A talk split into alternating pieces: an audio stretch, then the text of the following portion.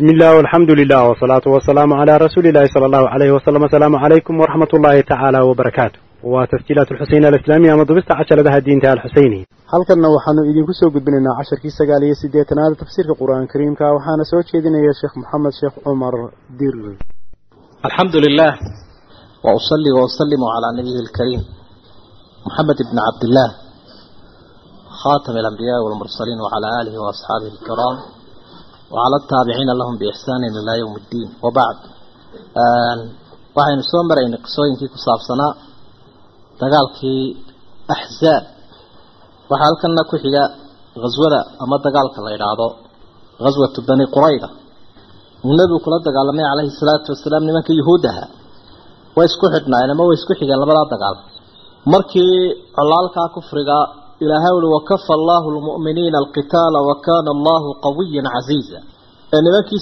soo duulee xulafada ahaa isbahaysigii gaaladu ay yaaceen ayaa uu nebigu madiine ku noqday calayhi salaatu wasalaam.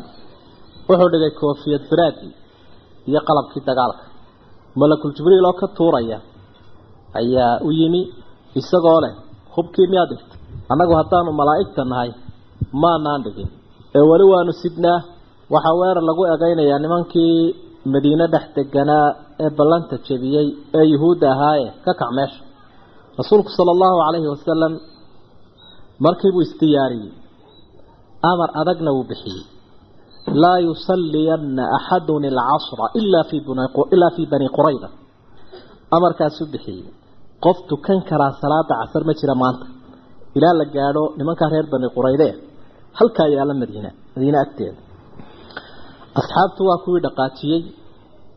Dabeetana dee in dhexda ku sii tukatay way jirtay laakiin rag badan baa tegay halkii. Oon casarba tukanba isagoo gaabtay salaadu waa nimankaana wax u caadaawayay yuhuudi iyo ballanfuryo.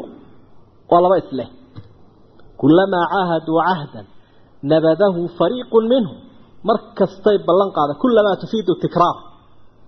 Mar kastay ballan qaadaanba koox ka midunbaa jebisa baa ilaah wy filistiin bay la heshiiyeen kadaa wa kadaa dabadeetana haddana labay dileen afar baa naxash lagu sidaa waa shaqadooda.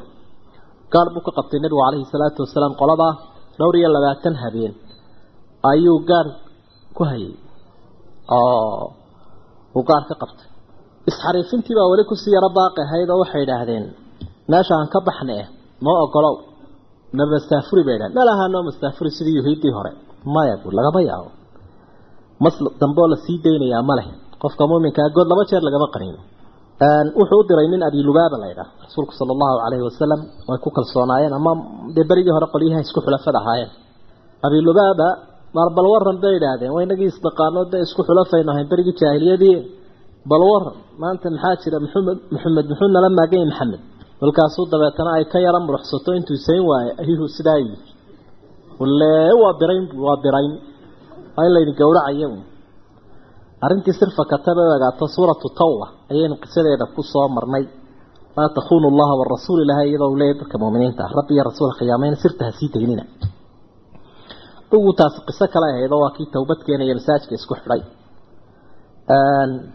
Nimankii waxay wadaanba waxay idhahaan rasuul allah xukunkaaga waa ogollay inaad dhan u noogu jahayso maanta waayo meesha waa ku baktinay muxaasara waa ogolna kolkaa niman ay xulafo ahaan jireenoo ansaarta ka mid ahaa reer madiine ahaa ayaa soo rashgareeyey nebiga. Aada ugu soo ururay iyagooda nimankani dee waa laga yaabaa inay toobad keenaan balcagta u dhigoo dee adugu.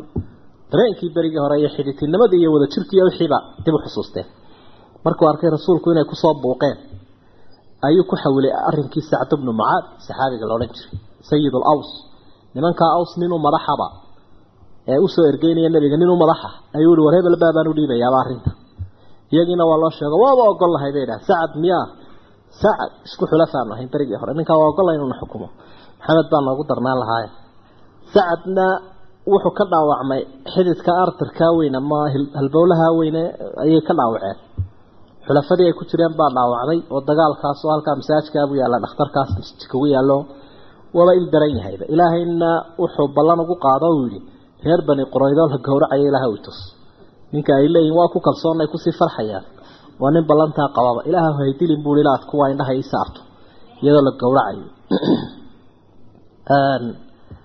sidii baa dabeedna maxkamaddii lagu bilaabay iyagiina ay soo daadegeen.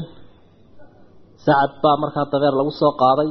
Waa kii nebigu lahaa quumuu ilaa sayidikum waa ninka madaxdiina u kaca ninka madaxda ha loo kaco culimada qaarkood ay yidhaahdaan qofka la weyneynaya waa loo kici karaa. Qaarkoodna ay leen mee ninkuu tabaalaysnaayo hala qabta buu lahaa. Oo dameerka laga soo dejiyey. Cumuuman sacad uu rakibtay maxkamadii waa maxkamad aada iyo aada u adag xaq iyo baadil lagu kala saarayo ambiilna aan lahayn dib u noqosho ma leh. Indhaha la wada taagaya kuwana maxaa ka soo bixi qoladan kale talo miyuu naxariisan? Laakiin madaxda ka ahaan jiray berigii ay wada jireen arrinkii wuu giijiyo dabeetana wuxuu waxaan ku xukumay warkuba ha yaraadee waxalla wixii bisqintu ay u soo baxday ee qaangaadha in kurta laga jaro. Wixii markaa maatiya ama carruur yaryara ama dumarana mujaahidiintan habaasku inta badan uu soo garaacayay boodhka ha kaga maydheene in loo qaybiyo warkuba intaasi ku dhan yahay rasuulku sala allahu calayhi wasalam wuxuu uhi waxaad xukuntay xukunkii ilaahay ka xukumay toddobada sano guudkooda. Kii ilaahay iyo kaaga iswaafaqay warkuna wuu dhammaaday dabeetana godad baa loo qoday godadkaasaa mid walba qaybta ah dadkiibaa horta la kala guray. Kii markaa waa nasiibkii. Intaa kii timaha hoose aanay u soo bixin. Fursad bay u ahayd dadka meeshaa maraya kii kalena haadow salaam ragga dagaalamayay buu ku jira gaashaanqaadka ah. Lix boqol iyo xoogaa ayaa la dilay lix boqol iyo xoogaana waa la qaybsaday dad ah warkaasi saasuu ku dhammaaday camaliyatu salaam iyo meermeer iyo waxaa waa laisla soo dhaafay sidaasaa dabeedna godod loogu qodo kurta laga jaray. Gow meeshii baa lagu wada aasay dumarkiina waa la qaybiyey iyo caruurtii. Nimankaa halkaasa sharkoodii lagaga nastay iyaguna markaa waxbaa la tusay. Waan weyn ilaa indhihiisa cerka la tuso ma joogso. Indhahoodiibaa cerka la tusay halkaasay ugu dhammaatay marka dariskaasoo kale yuhuud la siiyo ayuunbay joogsan karaan. Laakiin aan isla warwareegno waa dhibaato runtii macruufoo qur'aanku aada inooga warramay nimankaa xaalkooda halkaasuu ku dambeeyey maalintaa waxaa loo qaybsanayay ninka faras tignika wata ee fardafuulka ah. Saddex sahmi baa la siinayay ninka laakiin efentariga ah lugeynaya wuxuu qaadanayey hal qori ayuu qaadanayay. Sacad in yar kadib buu dhintay marka. Waa kii nabigu lahaa calayhi salaatu wasalaam ihtaza lahu carshu raxmaan carshiga ilaahay baa u gilgishay isaga dartii sacad waa taariikh runtii qoran oo nasku uu reebayo gaal iyo islaam halka ay isla marayaan. Adduunyaa horu martay iyo ururaa samaysmay iyo xidhiidhaa la samaystay weligaaba adigu iska akhriyo. Warku qur'aanku ina barayo iyo taariikhda laynoo dhigaya gaal iyo islaam halka ay ka maraysaa qisaska laga arkayo alla waxa uhi waradda allahu. Wa anzala buu ilahay yihi waa soo dejiyey aladiina daaharuuhum kuwii xoojiyey.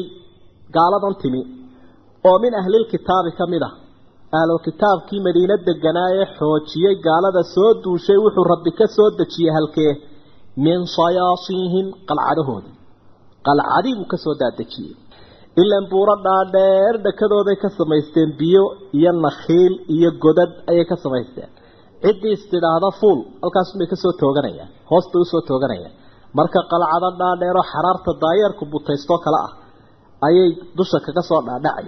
Cidna ma soo faran karto dee hoobiyana lama hayn tiijeed iyo soo jeed loogu rido halkaasay dabeedna difaac kaga soo jireen. Min sayaasihim baa ilahay uu ka dejiyey qalcadahoodii. Wa qadafa fii quluubihim arucb qalbigoodana argagax buu ilaahay ku afrogay oo nimanka halkaa waxaa ka riday waa argagax. Waa nebi maxamed calayhi salaatu wasalaam nusirtu birucbi masiirata shahr. Bil masaafad la socdaa la iigu hiiliyey buu nebigu ihi argagax. Qofka muslimka haybadiisu inta ay u baaqi tahay waa laga baqanaya markase mariiqa laga siibo uu miyir doorsoomo weeye marka lagu soo dhiiranaya.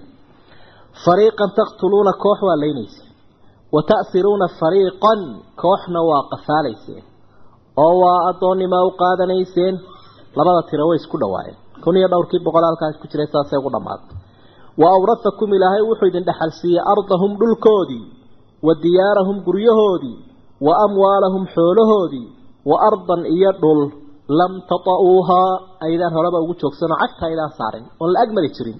Waxaa la dhaxlay dhulkii iyo guryihii ay deganaan jireen. Iyo xoolihii haddii ay tahay mood iyo nool iyo beerihiiba. Wa ardan lam tata'uuhaa dhul aydaan ku joogsanin waa isla halkaa lafteeda la yidhi. Oo looma geli jirin oo cidda gasho waabay hoos bay ukhtiyaali jireenoo maanaan arag iyo maanaan ogeyn bay odhan jireen. Waa laga baqan jiray markaa eriyadooda in la galo ama waa ardan lam tatauhaa waa dhul dambe oo ilaahay uu uga sii warramay dadka muuminiinta inuu ay geli doonaan ugu bushaaraynayo. Waa khaybar. Niman dambe oo suuratulxashri ilaahay uu kaga warramayo reer banu nadiir la yidhahda iyagana. Oo sanadii lixaad kadib iyadana arrinkooda meel lagu tiiriyo la xoreeyey marka saasay oo awrasakum bula waa idin dhexalsiiyey macnaha nimankaasi awoodda ay lahaayeen iyo qalcadahooda iyo difaacooda muddo dheer bay ku jiri lahaayeen. Laakiin allah tilmaamay inuu argagax ku tuuray wa kaana allahu calaa kulli shayin qadiira ilaahay baa wax walba kara. Tabaaraka wa tacaala aan waxba ku adkaanaynin. Marka isagaa idin idin garab taagan biqudrati. Arrimihii markaa qoysaska daahirka ah nebi maxamed caleyhi salaatu wasalaam iyo xaasaskiisu sida ay u wada noolaanayaan iyo siay isula jaan qaadayaan iyo xurgufaha xallintooda ayaa halkan ilaahay uu ku xus. Iyadoo aada arkaysa marka rasuulka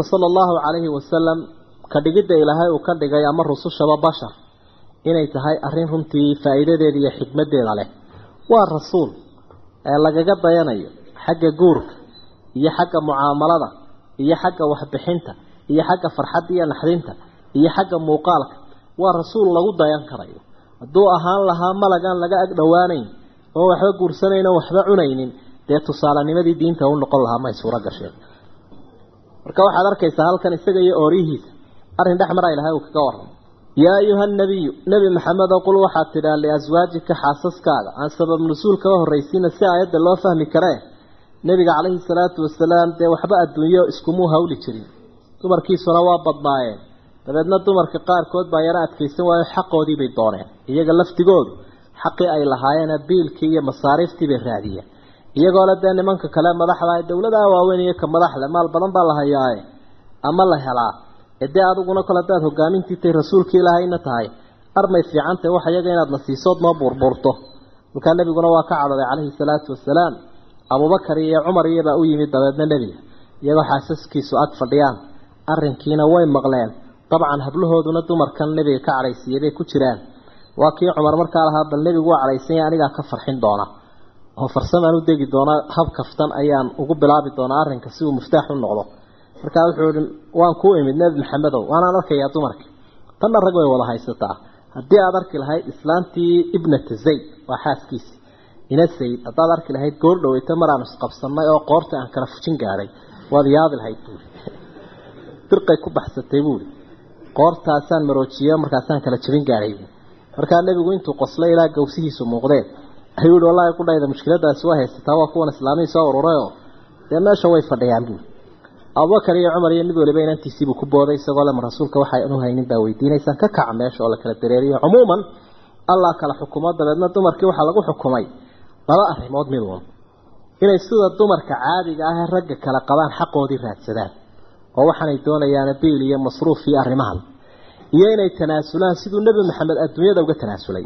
Dabcan oo ay la jaan qaadaan isaga. Ninkani waa nin saahiday ka dhaqaajiyey bahasha meel kale u muuqato miisaankiisa ummadda aanu la mid ahayn inay mustawihiisa la jaan qaadaan iyo inay dee waxoodii doonaan labadaas isqaban maayana miduun doortabaa layi ama adduun iyo dhalaalkeeda iyo agabkeeda iyo ururkeeda raadsada oo ha laydin siiyo dee nebiga ka tagoo ragga kale doonta. Ee waxaan la weydiin karaya ama ninkani bahashan wuu iskaga tegayo wuu ka xoroobay oo wax kaluu wadaaye. Iyo ammaano culus oo weyna dee la jaan qaadoo tanaasula. Takhiirku waa labadaa weeye laakiin maaha inaanay arrintan garo lahayn. Gar way u leeyihiin ma ka tanaasulaysaan mise maya arrinkii halkaasuu noqday khiyaar bala siiyey. Kolkaa caaishuu ku bilaabo wuxuu ihi arrin baan kuu sheegayaa aan fududayna ehelkaagii maad kala tashan. Wuu akhriya waxay tihi maya kan? Ilaahay rasuulkaan anagu doortiyey aakhire adduunya waa ka hadhay. Laakiin waxaan kuu sheegayaa islaamaha kalena markaad door gelinayso. Ha u sheegin doorashadayde. Bal adigu la socotiiyo maya buui aniga ilaahay wuxuu iga dhigay. Mid mucalif oo qalafsan igama dhigine. Wuxuu iga dhigay mucallim muyasira mid ummadda wax baraya oo wax fududaynaye inaad adigu ilaahay rasuulkii aakhiro doorataad ka tanaasushay xuquuqdaadii waan u sheegaya. Dee waayahay bay tii ilan dangalooyinku waa cajabe cumuuman sidii bay wada doorteen aayaadku mawduucaasay ka waramayaan iyo dumarkanina inay sida nebiga oo kale iyaguna dumarka kale dheeraadka leeyihiin yaa ayuha nabiy qul waxaad ku tidhaa liaswaajika ooryahaaga in kuntunna haddii aad tihiin turidna alxayaata addunya noloshan adduunyada kuwa doonaya wasiinataha iyo bilicdeeda fatacaalayna isu kaalaya umatickunna aan idiin raaxeeyo wa usarixkunna aan idin fura saraaxan jamiila furitaan wanaagsan si fiican baynu kala dhaqaajina isqabsan mayno mutco ayaan idin siinayaa weliba waan idin buurbuuraya adduunyo badan kol haddaa maaragtay dhaqaajinaysaan taasi waa mid waa khiyaarka laydin dhigay weye wain kuntunna haddii aatiin turidna allaha warasuulah ilaahay rasuulkiisa haddaad doonaysaan rasuulku waxay raalli gelinayaan dhib ku ahayn waaddaara alaakhira iyo daarta aakhira darteed haddaa adduunyo uga tanaasulaysaan iyo xaqiinii fadaaka arrinku waa dhan yahee kaalaya ina allaha rabbi acadda wuxuu u diyaariyey. Lilmuxsinaati kuwa samafalayaasha minkunna idinka idinka mida ajran cadiimaa abaalmarin weyn ayuu rabbi u diyaariyey. Muxsinna markiisa horeba waxaa la idhaa qofka xaqiisa ka tanaasula wax uu abaalmarin weyn oo jannaa ilaahay u diyaariyey. Kolkii ay taa doorteen dabeetana darajadoodii waa sarraysaa kolkaasaa ilaahay yeedhma khaas u siinayaa mustawahoodana wuu u sheegayaa wanaag waxay sameeyaanna ka dadka kale wuu ka weyn yahay. Xumaan waxay sameeyaanna ta dadka kale way ka weynta maadaama iyaguna dumarada kale ka weyn yihiin yaa nisaa annabiy dumarkii nebigow man yaatii tala yimaada tala timaadee minkunna idinka idinka mid a bifaaxishatin mubayina foolxumo cad foolxumadaasi daruuri maaha inay sina u noqotee edabdarre iyo anshixumo iyo darar iyo waxyeelo tala timaada dabcan lama imanine yudaacaf laha alcadaab. Cadaabka waa loo laablaabi doonaa dicfayni laba jeer. Wa kaana daalika arrinkaasi wuxuu ahday cala allaahi yasiira ilaahay waa ku fudud yahay. Waxay la yimaadeenna ma jirin ee allaa ka hufoog way ka dheeraadeen. Sida ambiyadu ay u dhowrsoontahay ooriyahooduna way u dhowrsoon yihiin waman yaqnut ta adeecdee hoggaansanta ee minkunna idinka idinka mida lilaahi wa rasuulih ilaahay iyo rasuulkiisa ta u hoggaansanta ee llaahi wa rasuulih rabbi iyo rasuul aqbasha. Wa tacmal saalixan camal fiican samaysa. Nu'tihaa ajrahaa abaalkeedaanu siin. Maratayni laba jeer abaalkeeda waa laba jeer baa ilahay ui waactadnaa lahaa waxaan u diyaarinay risqan kariima arsaaqad wanaagsan oo janno ah ayaa ilaahay u diyaariyay marka abaalmarintaa fiicani waa qofku camalkuu sameeyey iyo tanaasulka ay sameeyeen ay adduunyada iskaga saahideen iyo la jaanqaadkii nebi maxamed la jaan qaadeen ay ku saacideen xaqa iyo hinjintiisa yaa nisaa annabiy nebi maxamed dumarkii uu qabayow lastunna ma ihidin buu ilahay yidhi ka axadin min annisaa dumarka kale lama mid ihidin.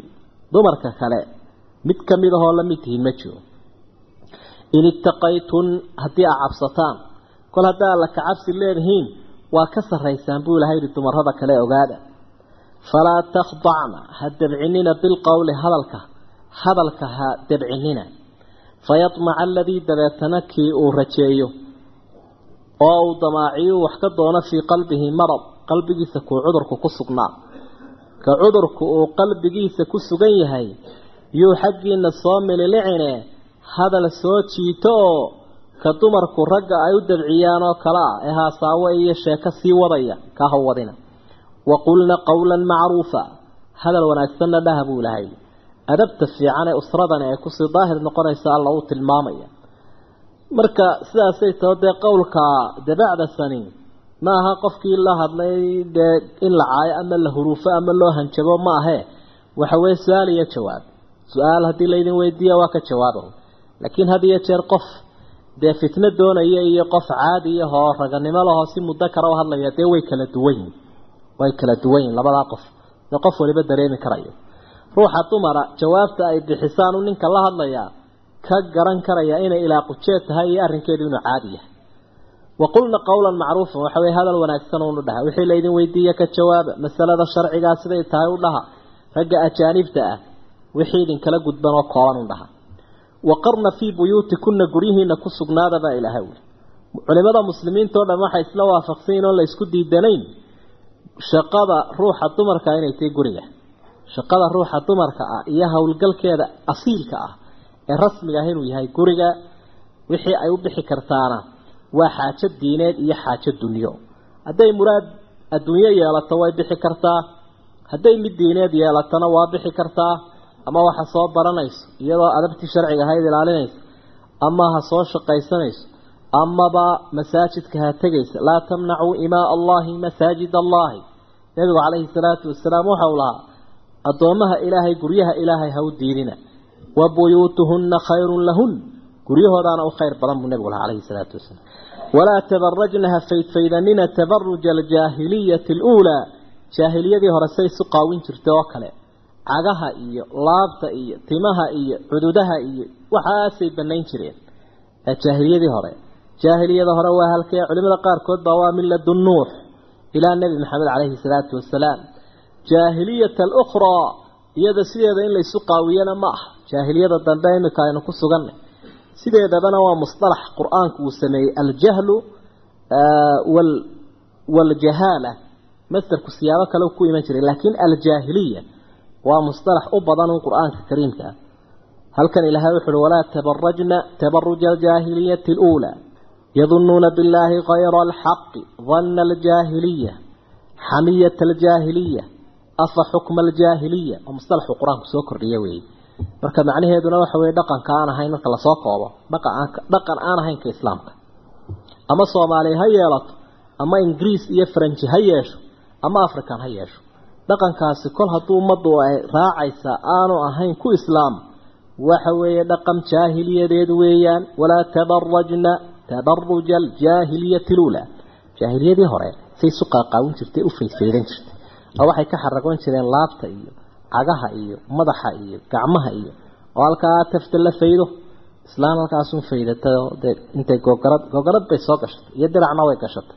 Bal haddana kilinkiladay ku qabsatay. Maxay ka gashanaysaa? Hadday ka faydayso waa tabaruj aljaahiliya halkaasay qoortii banaysay inantii oo siliskii bay tusaysa tu kale imika way soo badanaysaaba weli waktigan xagaabaxaya bal dadka xigtadooda hala hadlaan iyo ciyaalku shiidine dhakadii bay dabeetana mudhba ka dhigtayba ama jaraa'id ha sawiraan ama kayruhu ha sawir markaasaa dabeed way dhaka qaawantay way cududa qaawantay kadaalika markaasay dadkeenuna leeyihiin waa iska fiicantao dhaqankii soomaaliga weeye inantu inay bahalkii cunaabigiina xidhato cududahana banayso kilinkiladiiyo garabkaana faydato timahana dee iyagoo tidcan sii dayso. La yaab male. Markaasa dabeetana imanka marka aada aragto dumarkeena weli dhaqankiibaa iska sii jiro. Haddii islaanta la qabaa ay madaxa qaawisana naawaa sodohbaa tee dhakada qari bay odhanayaan. Haddii laakiin inantu ay iska faydato way tima tidcanaan jireen habluhu bay odhanayaan. Marka cumuuman tan nasku uu diidaya waa taasun weeye islaamkeenu dee adiga arki doona aayaadkae waxa weeye xijaabka ayuu faray iyo asturnaanta sidaasaanay ku fiican yihiinoo soomaalidu waxay dhahaan rag wax qarsoon laga raac markuu ninku doonayo wanaag taa qarsoon unbaa uu dareemaya inay dhowrsoonaantii iyo cifadii iyo orinimo yeelanayso tii kale ka tuurtayna wuxuu leeyahay tani dhaqasho iyo raasamaal ma jiro.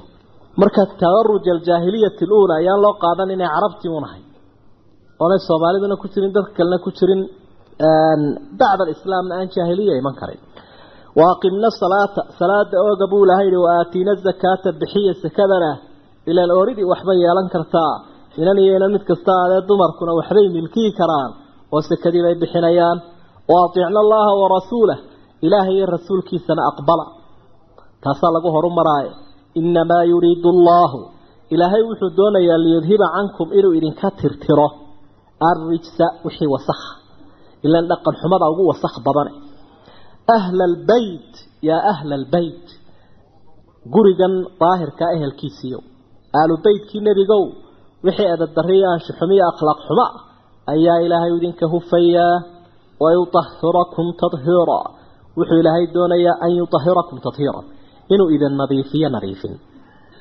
nadiifinta ugu fiicani waa ta dhaqanka waa ta qoyska waa ta qalbiga taasaa ugu wanaagsan inta intaa hadday dadku ka wasakhaysan yihiin kun jeer haddii ay maydhaan iyo kun jeer hadday nadaafad leyn nadaafadi ma jirto. Wadkurna buu ilahay yidhi isagoo la hadlaya dumarkaa saxaabiyaadka ah ee hooyooyinka mu'miniinta ah wadkurna waxa aa xustaan. Maa yutlaa waxa lagu akhriyayo fii buyuutikunna guryihiina oo min aayaatillaahi aayaadka ilaahay iyo walxikmati sunnaha nebiga akhriyada ilahaw dacwadda faafiyoo diinta dadka gaadhsiiya sidii baanay markaa waajibkii ku guteen ilaa waa amar rabbi wadkurna waxaa xustaan dadka gaadhsiisa aayaadka qur'aanka ah ee ku soo degaya nebi maxamed dushiisa isagoo aqalada ku jira iyo xikmadda ka burqamaysa ina allaha kaana latiifan khabiira. Ilaahay baa latiif oo naxariis badan khabiir ahoo xogagaala mid waliya camalkeeda isagunbaa rabbi ku ogsoon. Sidaas aheedoo waa ka markaa shinqiiti markuu ka warramaya asxaabta kuwooda mukiriinta waxa uu leeyahy walmukiruuna baxruhum wa anasuu caaishatun wajaabiru lmuqadasu saaxiibu dawsin wakada bnu cumara marka asxaabta macnaha caaisha waa asxaabta ugu horeysa dhowrka saxaabiya ugu horeeyaba cilmiga xadiidka ee cilmu riwaaya la ydhaha cilmu diraaya akhiiran buu ahaaye cilmu riwaaya dhowrka saxaabiya ugu badan bay ku jirtaaba caaisha radia allahu canha markaasoo dabeetana waxay soo gudbinayaan dumarkaasi wax badan oo hoos hoosa oo guriga ka dhacaya oo ku saabsan xamaamka iyo istijada oo ku saabsan galmada dumarka iyo ragga oo ku saabsan maydhashada oo aan cid kaleba ka ogaatay nabiga caleyhi salaatu wasalaam. Ayay soo gudbinayaan haddii aada akhrido cilmulxadiidka qaybaha hore ee kitaabu tahaara iyo wixii ku saabsan iyo salaatu leylka iyo habeenkii waxyaabuu nebigu samayn jiray saxaabiyaadkaas xaasaskiisa ahaabaa u badan oo soo gudbiyey. Sidaa darteed baa ilahay arrintana waajib ugu dhig iyadoo taasina ay tilmaamayso dacwadda iyo diinta ilaahay faafinteeda iyo ammaanadan gudbinteeda rag iyo dumarba inuu xil ka saaran yahay oo aanay ku gooni ahaynun ragga. Waxaa dhacday in nabiga ay la hadashay calayhi salaatu wasalaam saxaabiyadda la odhan jiray umu salama oo xaasaskiisii ka mid ahay. Waxay leedahay iyadoo jibbootay oo xuska ilaahay bani aadamka uu xusayo kuwa in lagu dara ay jeclaysatay. Ayaa waxay leedahay in badan baan maqlaa nebi maxamed oo qur'aanku iyadoo ragga uu la hadlayo yaa ayuha aladiina aamanuu uun la leeyahay oo raggii uun si gaara loola hadlaya ama jihaad la faraye tolow dumarkii dee iyaga miyaan lalaba hadlayninba.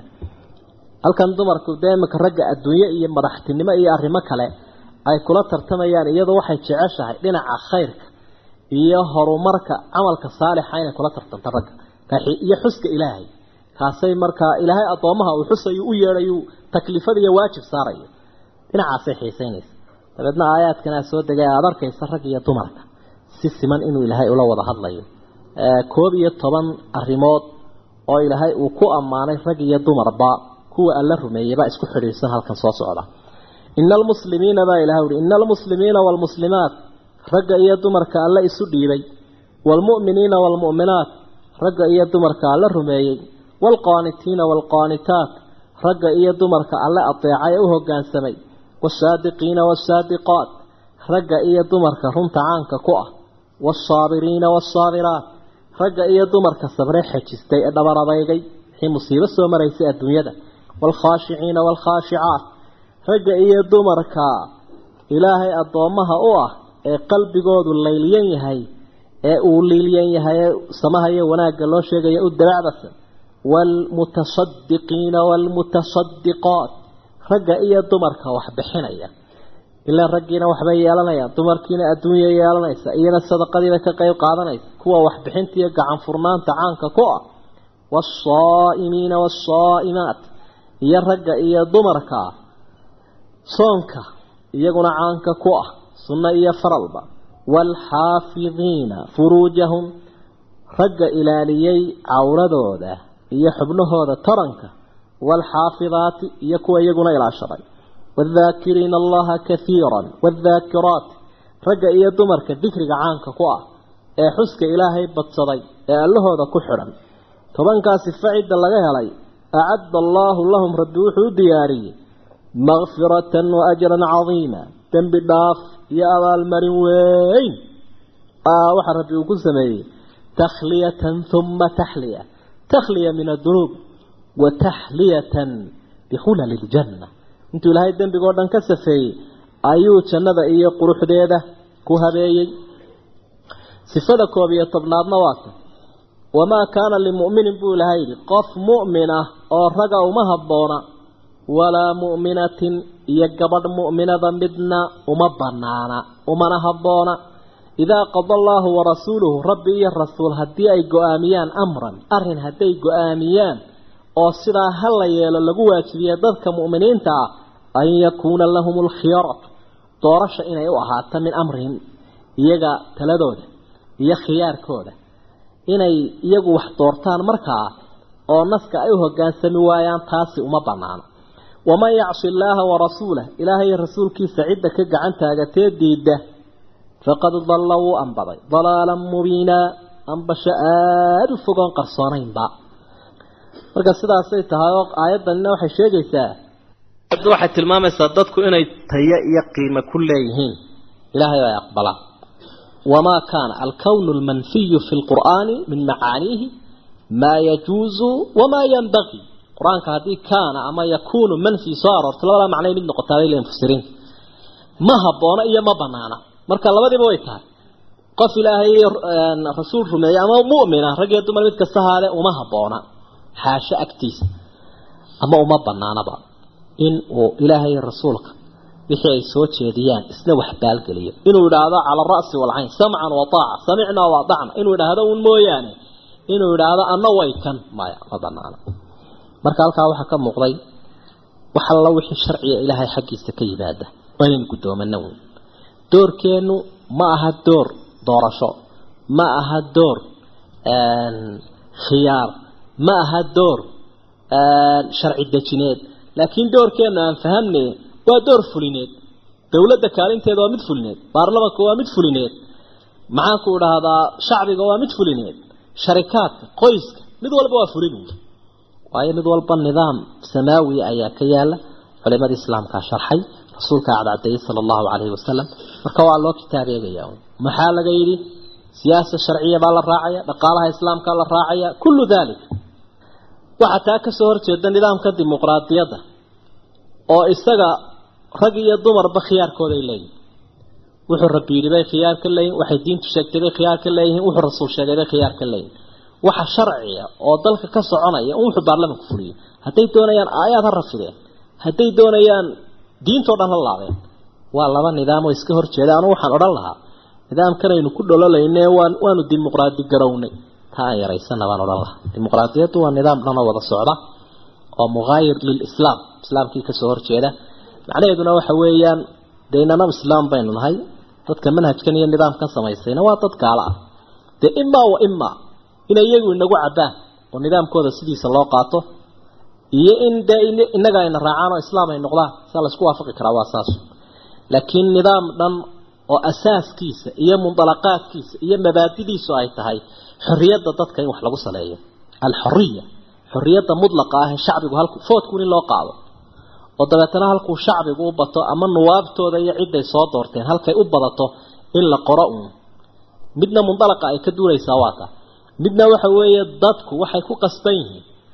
Shacbigooda iyo dowladoodaba qur'aan iyo xadiis waxa ay sheegeen inay qaataan oo ay u hoggaansamaan walow rabitaankoodu yaanu sida ahaan walow naftoodu haba diidanaataba waa laba arrimoodoo runtii aada isaga soo horjeeda.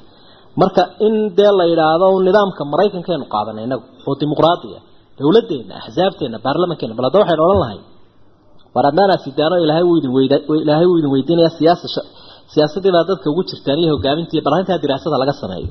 Ku dhololkaa waa la iskaga dhololayaa une maxaa taxtahaaya marka qaar baa markaa sii weydiisaa waxay ku odhanayaan dee dimuqraadiyaddu waa wada tashi islaamkuna waa wada tashi islaamku wada tashiga miyuu diidan yahay war wada tashigu waa arrin yaroo soke eh oo wax la isweydiiye laakiin wada tashiga laftiisa haddii la sii eego maxaa laga wada tashanaya?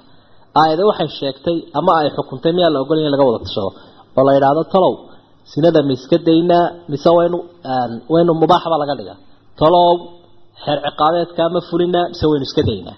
Inagoo qaban karayna oo fulin karayna. Marka cumuuman waxaa laga wada tashanaya laftiisu dee waa wixii xad leh marka waa wixii aan macnaha xaraam ahayn baa laga wada tashanaya hadduu xaraam yahay maya hadduu waajib yahay maya sidiisumaa loo raacaya waxaa laga wada tashan karaa waa fulintiisa saynu u fulinaa maxaa dadka aslax u ah? Maxaa mustataac oo la kullu dalik marka waa baraarujinun bay naga tahay. Wamaa kaana limuminin walaa muminatin idaa qada allahu warasuuluhu amran an yakuuna lahum alkhiyaratu min amrihim. Inay iyagu amarkooda iyo khiyaarkooda wax ka doortaan maya haddii ay ka doortaanna macsi ay noqonaysa. Qofka caasiga ana waman yacsi illaaha warasuulahu faqad dalla dalaalan mubiina. Qofkuna sideedaba markuu majaal ku jiro. Ama matal dhaqaalaha uu ku jiro siyaasadda ku jiro maxaanku idhaahdaa qadaaga iyo garsoorka uu ku jiro waa inuu majaalkiisa wax ka bartaa. Qofka siyaasadda ku jira waa inuu wax ka bartaa fiqa siyaasa. Ama siyaasadda shareecaddu waxay tidhi oo aanu bugaagta iyo dafaatiirta gaalada qula akhriyina bal siyaasadda shareecadda iyo mabaadideeda iyo mustalaxaadkeeda iyo fawaabideeda iyo mutakhayiraadkeeda waa inuu wax ka bartaa dabeedna uu ogaadaa arinka uu ka hadlaya talow miisaankeebu ku leeyahay shareecadda laakiin haddii can faraaq isagoon wax fikrada ka haysanin haddii uu arrinkan dhex galo dee wuxuu booshaaqaya arrin aada u khatar badan buu booshaaqaya qisadan soo socotaana waxay ku saabsanayd nabiga calayhi salaatu wasalaam iyo xaasaskii uu guursaday mid ka mid ah iyo nin saxaabiya waa zayd iyo zaynaba. Zayd ibnu xaarisa baa saxaabiga la odhan jiray. Xaas gabadhanna waxaa la odhan jiray zaynaba bintu jaxsh zayda bintu jaxsh baa la odhan jiray. Way isqabeenoo laba xaas waxay isu ahaayeen xaas bay isu ahaayeen labadooda zaydna sayn hore u soo marnay. Waxa uu ahaa nabiga calayhi salaatu wasalaam inankiisii ayuu ahaa oo nabigaas soo koriyey. Dagaaladii jaahiliyad ayaa dhacay wakti hore qabla alislaam dabeedna zayd wuxuu ka mid ahaa dadkii la soo qabsaday addoomaha ahaa. Makaa la keenay rasuulkaa iibsaday sala allahu calayhi wasalam wuu xoreeyey. Aabbihii baa muddo dheer daydaayay oo gabayo fara badan buu tiriyo halkan aynaan ku soo koobi karayn oo u barooranaya zayd. Markii uu maka yimee zayd loo soo sheegu dee helay. Ayuu dooransiiye wuxuu yihi ayaame wuxuu isagu codsaday inuu raaco maadaama inankiisii uu helo muddo dheer ka maqnaa rasuulkuna calayhi salaatu wasalaam wuu dooransiiye wuxuu ihi zaydow dee kol haddii ilaahay islaamnimana kugu galaday? Aniguna aan ku xoreeyey. Dee waanaad iska tegi kartaa? Oo aabbaha waad raaci kartaa? Haddaad doontana waad ila joogi kartaa. Maye waxaan doortay buui inaan kula joogo. Sidaasuu dabeetana aabihii kaga ambabaxay nebigu wuu guuriyey calayhi salaatu wasalaam. Zaynabtan uu guuriyey. Calaf ayaa ka adeegoo dabeed way isa seegeen. Markii xurguftaasi ay dhex dhacday ayuu nebigu isu muslaxayay calayhi salaatu wasalaam. Sidan aayadduba ay tilmaamayso. War zaydow islaamtaada iska hayso war isaga dulqaado wixii aad ku hayn kari laada. Iyadiina wuu u muslaxayay markuu caynkaa leeyahay rasuulku sala allahu calayhi wasalam ila waxii baa ku socday ilaahay baa uga sii waramayba inuu ninkani gabadhan furi doono. Nebi maxamedna uu ku dambayn doono calayhi salaatu wasalaam. Hase yeeshee doorka uu qaadanayo kaalintuu buuxinaya waxay ishfacuu tu'jaruu ergeeya waa laydin abaal marinay marka nin iyo gabadhiisa seegay dee waa loo kala ergeeyey ergadiisii buu qaadanayay arrinka ilaahay uu sheegayna ee la sii xusuusiyeyna dee wuu rumaystaa nebigu calayhi salaatu wasalaam wuxuu see u arkaya in labadan qof loo sheego ama ummadda lagu baahiyo inaanay dee waktiga aan weli la gaadhin ama wax kaleba ay ka soo bixi karaan buu u arkayay rasuulku sala allahu calayhi wasalam asraartaa iyo arrimaha isku qoofalan ee jira ayaa dabeetana ilaahay halkan uu ku iftiimiyey oo uu ka waramay iyadoo ay qisaduna caddaynayso. Rasuulka sala allahu calayhi wasalam waxyigii ilaahay uu soo dhibay iyo ammaanadii. Sidii ay ahayd inuu ummadda ku soo wada gaadhsiiyey oo wax uu qariyay haba yaraatay aanay jirin. Ama cali ama aalu beytka waxuu ku qariyay siday shiicadu qabaan? Oo dee afkunbuu nebigu jugsiiyo cali unbuu waxu sheego aan dad kale ogeyn. Ayaa ay qabaan. Kitaab yarna adiga meelaha ku arko wasaya cali la yidhaha yaa caliyo yaa caliyo yaa caliyo soomaalidu aad bay haysataa caliyow caliyow caliyow daas wax badan buu sheegaya dad kaleba dee macnaha loo sheegin bay ka dhigantay waana la weydiiyey cali bn abi taalib radia allahu canhu waktigii uu noolaaba oo nebigu wax maydinku gooni yeelo maya buui arrintaa aad buu deerifeeyey marka wax uu qariyay nebi maxamed ma jiro. Hadduu wax qarin lahaana arrintan xasaasiga ah ee isaga iyo asraartiisa iyo qoyskiisa ku saabsan buu qarin lahaa. Waxaasha yaa ayuha rasuulu balliq maa unzila ilayk bali wax alla wixii lagu soo gaadhsiiyo o dhan dadka wada gaadhsiiya haddaana saa samayna famaa ballaqta risaalata. Aad gaadhsiiy waid wakti xus nebi maxamed ow taquulu aad ku lahayd liladii zaydkii ancama allaahu calayhi ilaahay uu barwaaqeeyey. Dee markuu islaamnimo siiyey ila barwaaqo ka weynimo jirte wa ancamta calayhi adiguna aada u nicmaysay in la waad xoraysee amsik calayka zawjaka. War xaaskaaga iska hayso. Bal zaynabo waa gabadh wanaagsan iska haysaad lahayd. Wattaqi illaaha ilaahay ka cabsa baad lahayd. Ilaahay ka cabsoo zaydow iska haysa xaaska. Wa tukfii fii nafsik naftaadana waxaad ku qarinaysay ma allaahu mubdii shay ilaahay uu soo muujin doonayay waxuu ilaahay dabadda soo dhigayoon kollayba qarsoonayn baad hadda adiguna qarinaysa wa takhsha annaasa dadkana waxa aad waad ka cabsanaysa wallaahu axaqu ilaahay baa ku habboonan takhshaahu inaad ka cabsato. Inaad ka cabsato. Marka wuxuu qarinayana wuxuu ahaa in loo sii sheegay inuu gadaal guursan doono intuu zaydkani furay ka cadadbaxdo inuu guursan doono. Taasaa loo sii sheegay. Dadkii qarinaya u arkayay waktigii la sheegi lahaa inaanay gaadhin tafsiirka raajixee fiicana muxaqiqiintu marayaana waa kaa laakiin tafsiirka odhanaya wuxuu jeclaaday nebigu zaynaba zaynab buu jeclaaday. Kolkaasuu dabadeetana arrintii marawaxadiyey si uu uga furo ninkan isaga ah oo isagu uu guursado. Oo arrinta noocaasi waa nabigay calayhi salaatu wasalaam dhacni ku taho waa tafaasiirta ka timaada nimanka mustashriqiinta la idhaa turaafka ama dhaxalka islaamka u dhex fadhiista dadka muslimiinta. Falamaa qadaa zaydun buu ilahay yidhi markuu zayd ka gutay minhaa xaggeedii wadaran muraad. Waa markuu ka calaf qaaday. Markii uu calafkiisii ka qaaday ee uu ka dhammaystay macnaha ay kala tegeen zawajnaakahaa waanu kuu guurinay buu lahay waanu kuu guurinay intaasay ku dhammaatayba markii ereygaasi uu soo gaadhay wuxuu yeedhay nabigu calayhi salaatu wasalaam zayd. Manaa markii ay uu furay zayd ee ay ka cadad baxday ee qur'aankani uu soo degay zawajnaaka hal kolkay ayuu zayd u yeedha wuxuu war bal arrinkaasaa jiray qur'aankaa kugu dul akriyay gabadhii dee aa kala tagteen u sheeg inaan doonayo. Sidiibuu dabeedna ugu tegay. Waxa iska macruufa nin iyo gabadhi haddii aysa soo qabi jireen in xoogaa khajilaadu dhexdooda ay iska yaraan jirtay. Laakiin wuxuu leeyahy cajaa'ibtan arkay waxaa ka mid ahayd islaantii iyada ahaydeen isnaqaanay markaan ku dhawaaday ila waa mid nebi doonaye tiiba ma aha haybadunba alla saaray. Dabeedna waan ka sii jeedsaday. Anigoo sii jeedaan reefas ugu socdayoo markaasaan halkaa kala hadlaan kuuhi nebigiibaa ku doonaya. Iyaduna markaa waxay tihi balaan saragna sidii bay ku qabuul garaysay cumuuman intanaana meh intanaana ku dhacayba caqadkii ilaahay baa u meheriyeyba meeshaa wadaad loo doonayo iyo weliyo xigto loo doonayo iyo sorfaraysi toona ma jiro. Zawajnaakahaa waanu kuu guurinay ilaahay boqorka haadaa yidhi ayaa kaga daba dhufanaya markaasaa markay dabeeta iyaduna ay dhaadanayso. Ayaa waxay odhan jirtay ilen dadba meelbu isugu faanaa iyagu. Ilaahay iyo rasuulka wixii la xidhay iyo wanaag ayay isugu faanayaane. Dumarow dadka ay isxigtaan baa idin meheriyey anigana ilaahay baa i meheriyey ayay odhan jirtay. Waana mid runtii lagu faano. Likay laa yakuuna si aanu noqoninba cala almu'miniina dadka alla rumeeyey dushooda xarajun dembi si aanu u fuulinba. Fii aswaaji adicyaahim kuwa loogu yeedho ooryahooda. Kuwa loogu yeedho ooryahooda ma fahamtay? Macnaheedu waxa weye ninkan waxa loogu yeedhi jiray zaydkii ina nebi maxamedow baa la odhan jiray. Tanina xaaskiisiiba ahayd. Carabtuna waxay taqaanay haddii nin loogu yeedho inan inaanu ninkaasi gabadha ninkaa isagaa xaaskiisa aanu guursan karin. Oo qaraarka quraysheed wuxuu qorayay inaanu nebigu gabadhaa sayd furay aanu guursan karin maadaam loogu yeedhi jiray. Marka taasaan masaxayaa meesha ilaahay uu ka saarayaa buu leeyay likay laa yakuuna cala almu'miniina xaraj si aana cidhiidhiba u dareemin fii aswaaji adciyaahim kuwa loogu yeedho oorihay furaan. Idaa qadow minhunna markay ka dhammaystaan wadaran muraad. Markay ka calaf qaadaan muraadkooda ka dhammaystaan ay furaan ninkan lagugu yeedhi jiray baa qabi jiray war arrinkaasi ma jiro.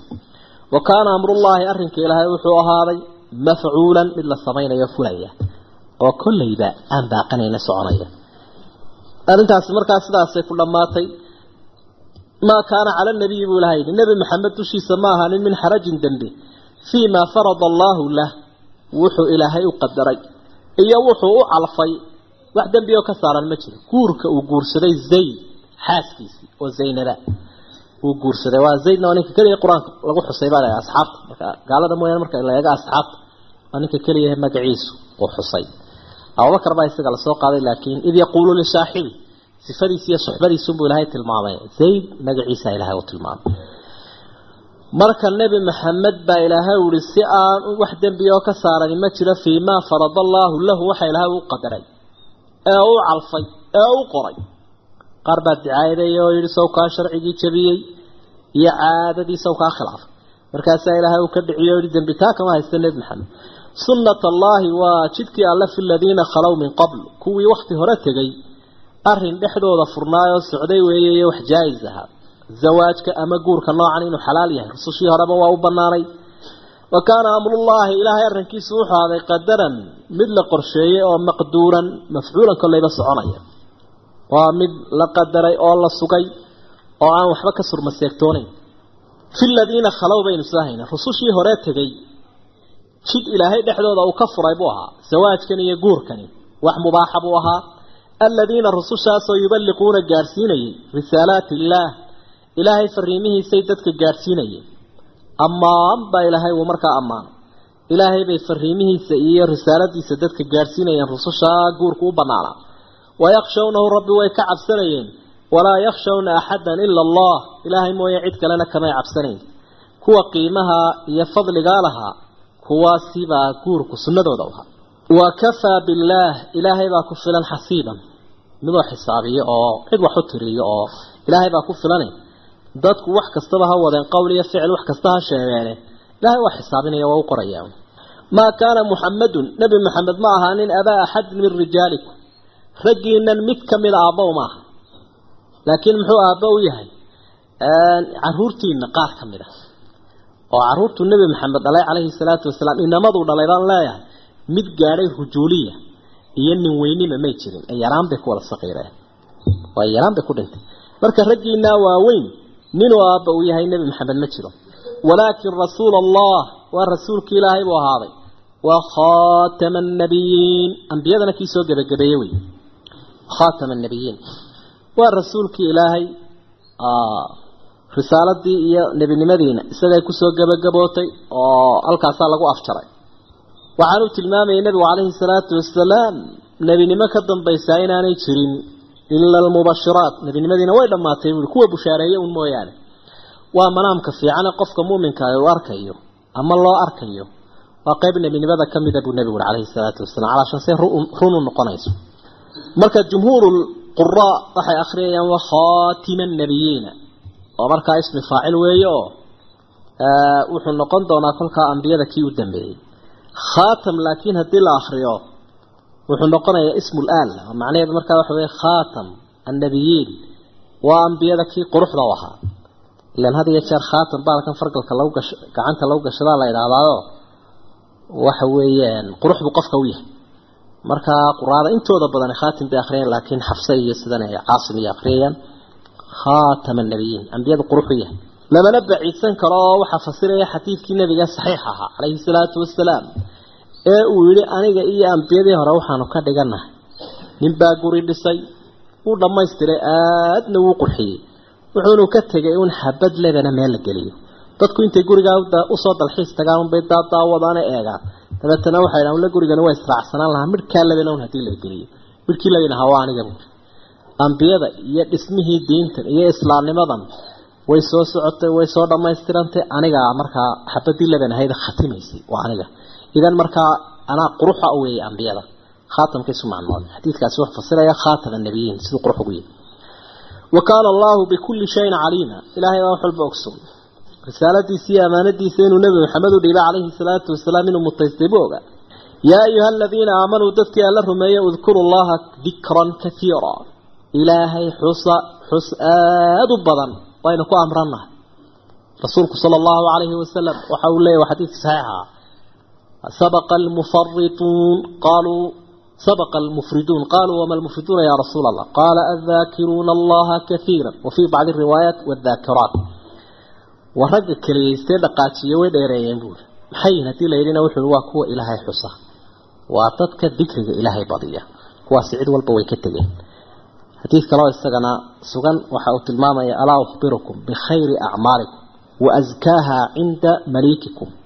tilmaamaya alaa ukhbirukum bikhayri acmaalikum wa askaaha cinda maliikikum wa arfaciha fii darajaatikum wa khayrin lakum min icطaa'i aldahabi waalfida wa khayrin lakum min an talqaw caduwakum fatadribuu acnaaqahum wayadribuu acnaaqakum qaluu balaa ya rasuula allah qaala dikru llahi caza wajal shay ma idinka waramaa buu nabigu leeyahy calayhi salaatu wasalaam camalkiina ugu khayr badan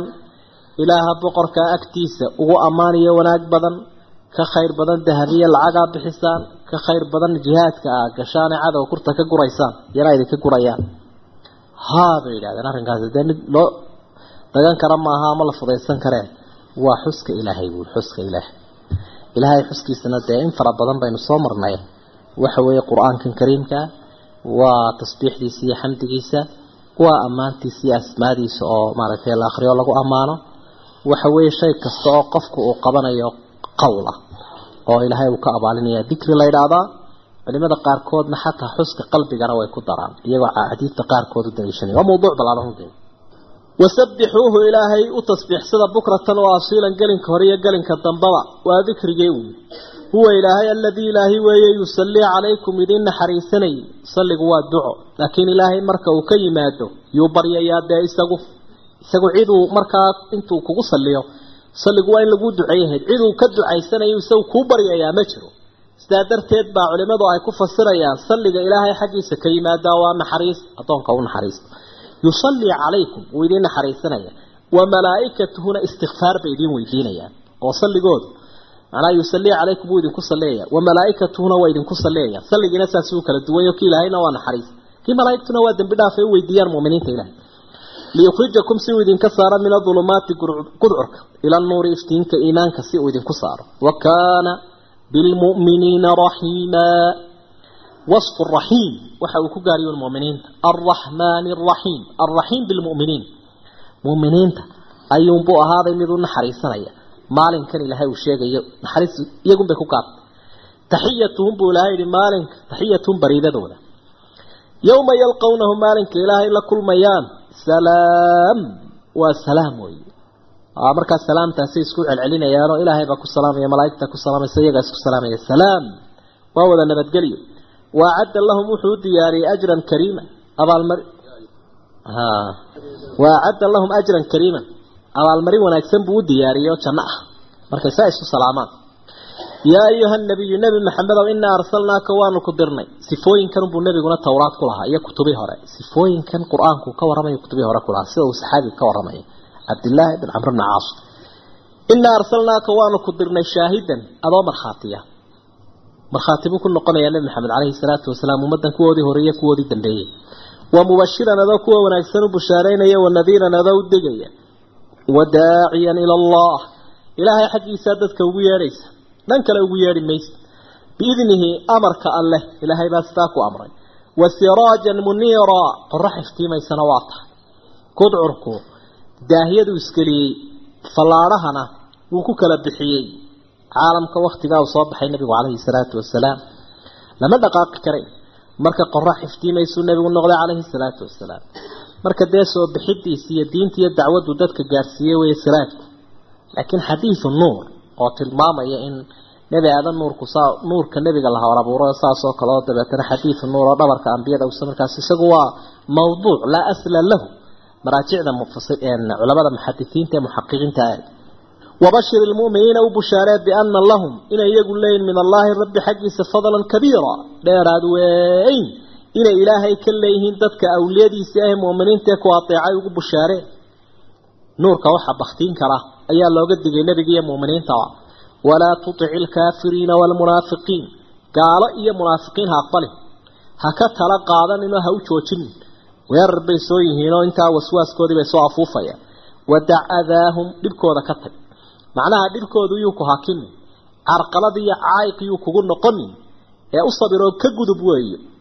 Oo iska difaac. Watawakal cala allah. Ilaahayna tala saaro ku tiirsa wakafaa billaahi wakiilan ilaahay baa ku filan mid ku ilaaliya oo aad tala saarato wax u dhiibato saasaa ilahay u dhiibay nebi maxamed calayhi salaatu wasalaam manuu adeecayn ku ah dhibkooduna waddada kama duwayn laakiin dee waad garanaysa dadka adeecaya u tartamaya ee gaal sheedaalinaya halku ka muuqdaale iyo kuwa waxyeeladooda ka warwarsana diin iyo islaamnimada u tuuraya iyaga baqahooda waa la garanaya saa darteed baa mufasiriin alqudaama qaar badan oo ka midii ay leeyihiin waxaa loo jeedaa dadka nebi maxamed raacay atbaacdiisa adigniintani dadkaas si toosa ugu dhacaysa. Maadaama isagu macruuf ku ahaa sifooyinkan inaan lahaynba yaa ayuha aladiina aamanuu dadka alla rumeeyo idaa nakaxtumu lmu'minaati marka aa hablaha alla rumeeyey guursataan uma dallaqtumuuhunna aa furtaan min qabli an tamasuuhunna intaydaan u galmoonin.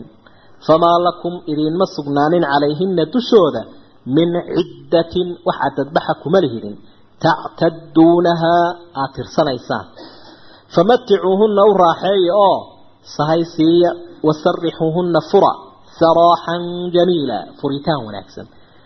Gabadh baa halkan ilaahay uu kaga hadlay ay ninkeedii kala tegeen oo ka duwan xagga cadadbaxa dumarkii kale o dhan. Waxa weeye waa midaan la furay oo aan cadadbax lagu lahayn. Waa gabadha keliyahe dumarka la furay aan cadadbax lagu lahayn. Gabadhii markuu ninku gabadha mehersado ee dabeedna isaga oo aan la aqalgelin uu furo. Kow way iska banaantahay marka hore inuu furo. Ee lama odhanayo ma furi karo iyagoon is arag. Taasi horta ma jirto. Ee wuu furi karaa. Saanaskuba uu tilmaamay. Midda labaad wax cadadbaxana kuma leh. Sida ayaddu ay sheegtay. Oo markaa dalqadu isaga ay ka dhacdo nin kale way mehersan kartaa. Laakiin haddii uu la guri galayba waa inay cadad ciddo tirsataa waa daruuri waa laga maarmaan. Oo iyadu la mid maha tan la mid maha kol haddii aqalgal yimaado ciddad bixi waa laga maarmaan. Kolse haddaan aqalgal jirin wax cadadbaxa ma laha ayaddu taasay caddaysa waxaa tan ka duwantii laga dhintay ninkii gabadhii u mehersado wuu ka dhintay iyagoo aan isaragba oo aan aqalgal jirinba ayuu ka dhintay.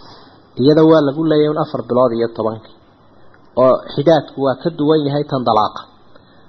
Isaga qeybta tacabudigaabaa sii badan oo dareenkii ninkan isaga ah wax hurgufiyo xadaafiiroo dhex maray aanu jirin ay kala dhinteen dareenkoodii. Dareenkii ay ulahayd baan muddo ka baxayna ku sii baaqi ahaanaya. Oo afar bilood iyo tobankaasi waa intay ku iloobi kartay nin kale u hamoon karayso. Intaa iska sabirto. Si ay markaa raaxadeeda iyo hawlaheeda kale iyo hamoodkeeda u qaadan karto. Marka labadaa waa in la kala saaraa. Dadku labadaa way isku qasaan min qabli an tamasuuhunna waa adabiyaadka qur'aanku ina baraya wey sidii dad waaweyn baa wax laynoogu sheegaya. Taabasho kuur iyo meeshii meherin iyo kol haddii wax la sheegay taabashona lagu xigsiiyey. Taabasho gacanta inaanay ahayn ayaa iska muuqatee taabasho kale ay tahay. Saasa ilahay wax inoo fahamsiinaya waxaa kaloo mulaaxado mudan dumarka soomaalidu way ka duwan yihiin damarada kale oo kolley habka arrinkoodu uu yahay. Markuu nin gabadha mehersado ilaa camaliyada jiraan oo dee fircawnigiina wuu jiraa. Marka arintaa aqalgalkoodu siduu noqonaya taasi kolley waa arrin u baahan in la iska fiirsado. Ninkii gabadha habeenay sarkayaan nin iyo gabadh waxay kala dooni jireen ay iska raadinayaan. Dabeedna waxaa la odhanayaa meeshii aqalgal ma jiro. Kol aan waxba xasilin. Ayay ku odhanayaan dadku wuu jiraa. Mar hadday dee cawradii istaabatay oo saas oo kada oo kada inkastoo aimada qaarkood ay leeyihiin ilaaj waa laga maarmaan. Maa yusamaa biluqa alcarabiya ilaaj. Adigu waa arrin u sii baahan aada loo sii hubiyo. Famaticuuhuna wasarixuhuna saraaxan jamiila. Mutcadu waa shay ka duwan meherka. Gabadha marka la furo xuquuq badan bay leedahay. Oo uu ka mid yahay meherkeedii masruufkeedii gurigeedii biilkii carruurta iyo mutcadii almutca ma naqaan inagu soomaalidu ma yaqaanaane wuxuu ku leeyahy gabadhii furay meherkii waan siiye waxaa kale la sheegayaa muxuu yahay? Dee famaticuuhuna soo akrisa weeye aayad qur'aan ay la intaasoo aayadood baa suuratulbaqara aynu ku soo marnay. Marka waa in ixaashkay ka biinaysaabaa la yidhaha hiblaayo waa la furayda. Wax yaray kaga gaashaamato waa inay heshaa. Waxoogaa adduunahoo meherkii dhaafsan. Laba iyo toban kun oo diinaar ayuu meher u siiyey zaynulcaabidiin cali bn xusein zaynulcaabidiin ahaabaan filaya. Gabadhiisii markaasaa dabeedna ay lahayd mataacun qaliil min xabiibin mufaariq bay lahayd wale haba badnaata lacagtu haddana waa alaab yar oo nin aan jecelahay aan kaga tegayo. Aduu cumuuman mutcadaasi waa in lagu talagalaa oo lagu xisaabtamaa dadka wax furaya meherka wax dheeraadkaa wey wasarixuuna saraaxan jamiilan. Jaafaajiriqu waa inuu yaraadaa furitaan wanaagsan wey oo si fiican labadii qof ay isu nabadgeliyayaan oon xumaan iyo xabaafiir iyo hiifitaan toona lahayn kaad aragtay dee. Ee dadku ay sii caayaan la isu hanjabeen la isdafira maya waan tacfuu aqrabu litaqwa walaa tansawu lfadla baynakum inaa dheeraadka la ilaabo yaa ayuha nabiyu nebi maxamedow inaa axlalnaa laka waxaanu kuu xalaalaynay aswaajaka dumarkaagii. Allaatii dumarkaasoo aatayta ujuurahuna meherkooda aada siisay kuwaasi waa kuu xalaalo waad qabtaa waa oryahaagii wamaa malakat yamiinuk. Gacantaadu kuwa ay milkidayna waa laguu xalaaleeyo waa addoomahaagii kuwaasoo mima afaa allahu calayka. Kuwa ilaahay uu kuu soo reebay cadowga aad ka dhaxashay ka mida kuwaas iyaguna xalaal bay kuu yihiin aayaddu macnaha kale way nagu dheeraanaysaa waktiguna way naga dhammaadeen. Si fiican baynu bilaabay insha allah. Wallahu aclam